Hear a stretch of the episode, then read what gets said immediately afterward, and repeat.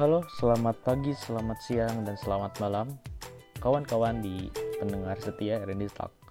Nah, kita bertemu lagi nih di podcast RND Talk. Setelah lama, bulan kemarin kita telah luncur juga satu podcast yang bisa dilihat oleh teman-teman di sini di Spotify.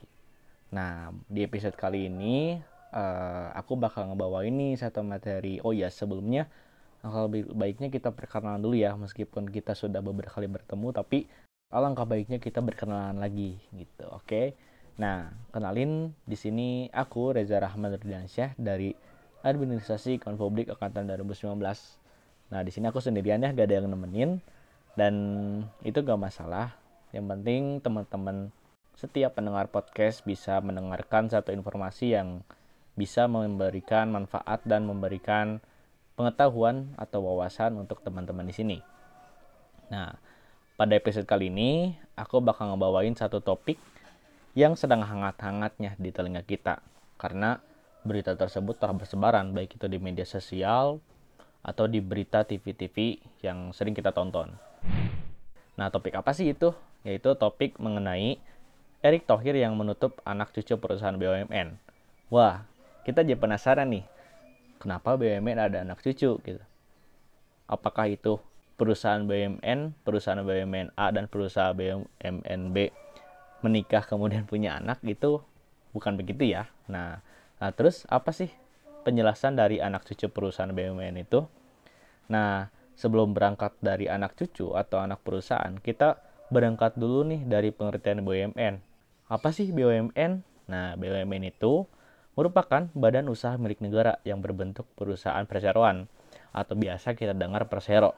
Nah, sebagaimana yang dimaksud dalam peraturan pemerintah nomor 12 tahun 1998 dan perusahaan umum atau yang disebut perum sebagaimana yang dimaksud dalam peraturan pemerintah nomor 13 tahun 98 eh, Badan Usaha Milik Negara atau BUMN merupakan salah satu pelaku kegiatan ekonomi yang penting di dalam perekonomian nasional yang bersama-sama dengan pelaku ekonomi lain, yaitu swasta, baik itu yang besar ataupun yang kecil, dan baik yang domestik maupun yang asing. Juga eh, koperasi merupakan pengejauhan tahan dari bentuk bangun demokrasi ekonomi yang akan terus kita kembangkan secara bertahap dan berkelanjutan. Nah, itu merupakan definisi dari BUMN. Terus muncul nih, tadi ada anak cucu perusahaan BUMN Nah, apa sih anak cucu perusahaan BUMN itu? Nah, pengertian tersebut diatur dalam Peraturan Menteri Negara BUMN nomor per strip 03 garis miring MPU garis miring 2012 tahun 2012 tentang pedoman pengangkatan anggota direksi dan anggota Dewan Komisaris Anak Perusahaan Badan Usaha Milik Negara yaitu Permendag BUMN 3 garis miring 2012. Nah, di, di dalam pasal 1 angka 2 Permendag BUMN 3 garis miring 2012 dijelaskan bahwa anak perusahaan BUMN adalah perseroan terbatas yang sebagian besar sahamnya dimiliki oleh BUMN atau perseroan terbatas yang dikendalikan oleh BUMN. Maka dari itu, kita bisa menjawab nih gimana penjelasan kok anak kok BUMN ada anak cucunya ya gitu. Nah, untuk lebih jelasnya di sini uh, aku akan ngambil contoh ya dari dua BUMN yaitu PT Pertamina dan Perusahaan Listrik Negara atau PLN. Nah, Pertamina dan PLN ini adalah BUMN persero yang seluruh modalnya 100% dimiliki oleh negara. Nah, Pertamina itu ternyata memiliki beberapa anak perusahaan yang tadi disebutkan. Nah, begitu juga dengan PLN yang memiliki anak perusahaan dan tentunya bergerak di bidang yang sejalan dengan bisnis perusahaan induknya. Nah, anak-anak perusahaan BUMN tersebut itu dimiliki modalnya oleh perusahaan induknya dan bukan oleh negara gitu. Jadi, si anak cucu ini tuh dibiayainya tuh oleh induknya yang seperti tadi misalkan induk induknya itu PT Pertamina. Nah, berarti anak cucu perusahaan PT Pertamina itu dibiayai oleh ya PT Pertaminanya gitu. Nah, ada juga nih berdasarkan pasal 14 ayat 1 UU BUMN Menteri dalam hal ini Menteri Negara BUMN bertindak selaku RUPS dalam hal seluruh saham Persero yang dimiliki oleh negara dan bertindak selaku pemegang saham pada persero dan perseroan terbatas dalam hal ini tidak seluruh sahamnya dimiliki oleh negara gitu. Dan apabila saham persero yang seluruh sahamnya dimiliki oleh negara, maka menteri bertindak sebagai RUPS sehingga dalam hal ini menteri berwenang untuk mengangkat dan memberhentikan direksi sesuai dengan pasal UU pasal 15 UU BUMN serta mengangkat dan memberhentikan komisaris yaitu dijelaskan dalam pasal 27 Undang-Undang BUMN. Nah, seperti itu nih teman-teman penjelasan dari anak cucu perusahaan BUMN.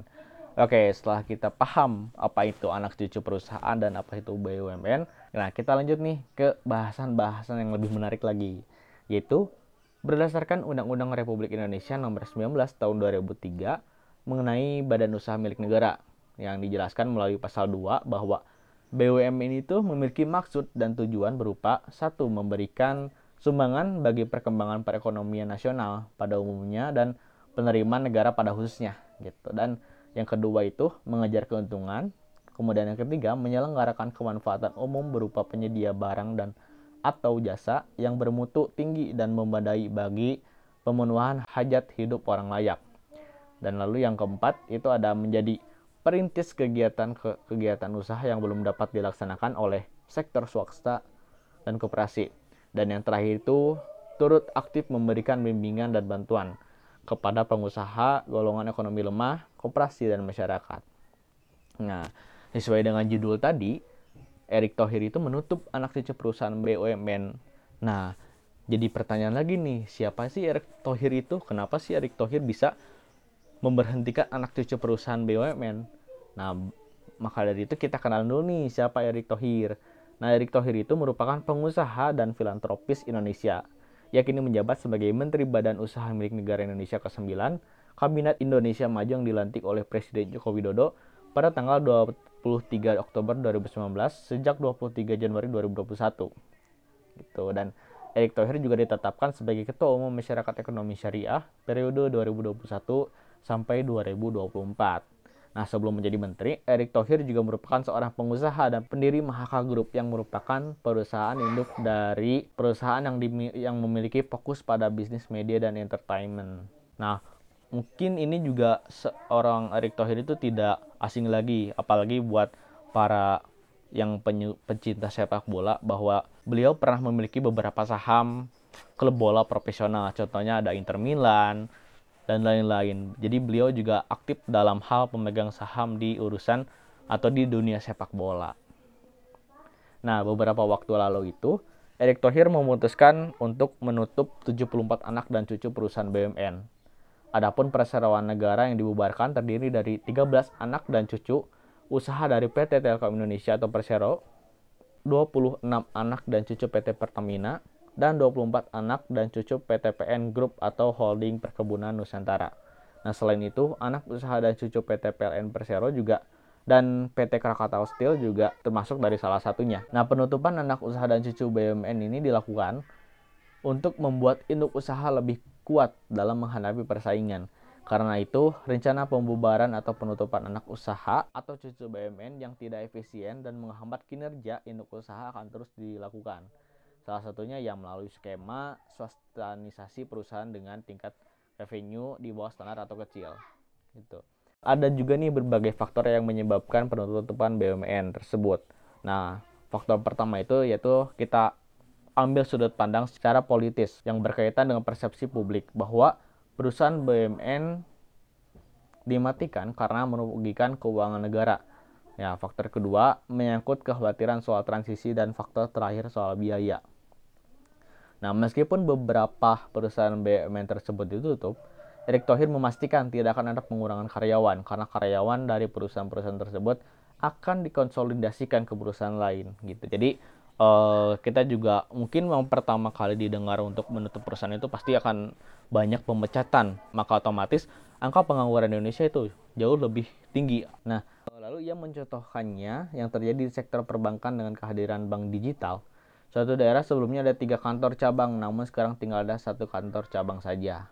Oke, begitulah bahasan yang saya bawa untuk menjadi informasi buat teman-teman pendengar setiap podcast Areni Talk bahwa satu informasi yang menyangkut tentang negara apalagi ini tentang ekonomi negara yang kita tahu bahwa sekarang tuh lagi sedang miris-mirisnya ya apalagi kita kalau disangkut pautkan dengan hutang atau disangkut pautkan dengan angka pengangguran itu sangat medis sekali. Tapi uh, nah ditambah lagi dengan berita ini kita jangan sampai menerima berita yang simpang siur, terus dari website atau dari referensi yang kurang relevan. Maka dari itu, galilah informasi yang kalian percaya dimulai dari sumbernya dari mana. Terus kalian juga telah ah apakah sumber ini sudah bisa dipercaya. Maka dari itu, bolehlah kalian atau bolehlah dari teman-teman bisa membaca berita-berita yang memang sedang hangatnya contoh yang yaitu contohnya ya ini tentang Erick Thohir yang menutup anak cucu perusahaan BUMN. Oke, pembahasan yang terakhir tadi merupakan penutup dari bahasan podcast kali ini. Di sini aku harap teman-teman bisa memahami apa yang aku sampaikan dan menjadi tertarik terus nih e, mendengarkan podcast-podcast Talk selanjutnya apalagi di bulan-bulan besok atau bulan-bulan seterusnya makin banyak episode yang akan lebih ramai yang akan lebih tentunya informasinya sangat berharga maka dari itu jangan sampai dilewatkan podcast-podcast yang akan kita luncurkan lagi oke maka dari itu aku Reza pamit undur diri sebelumnya mohon maaf bila ada kesalahan dalam menyampaikan kata. Sampai berjumpa kembali di podcast-podcast Talk selanjutnya. Oke, bye-bye.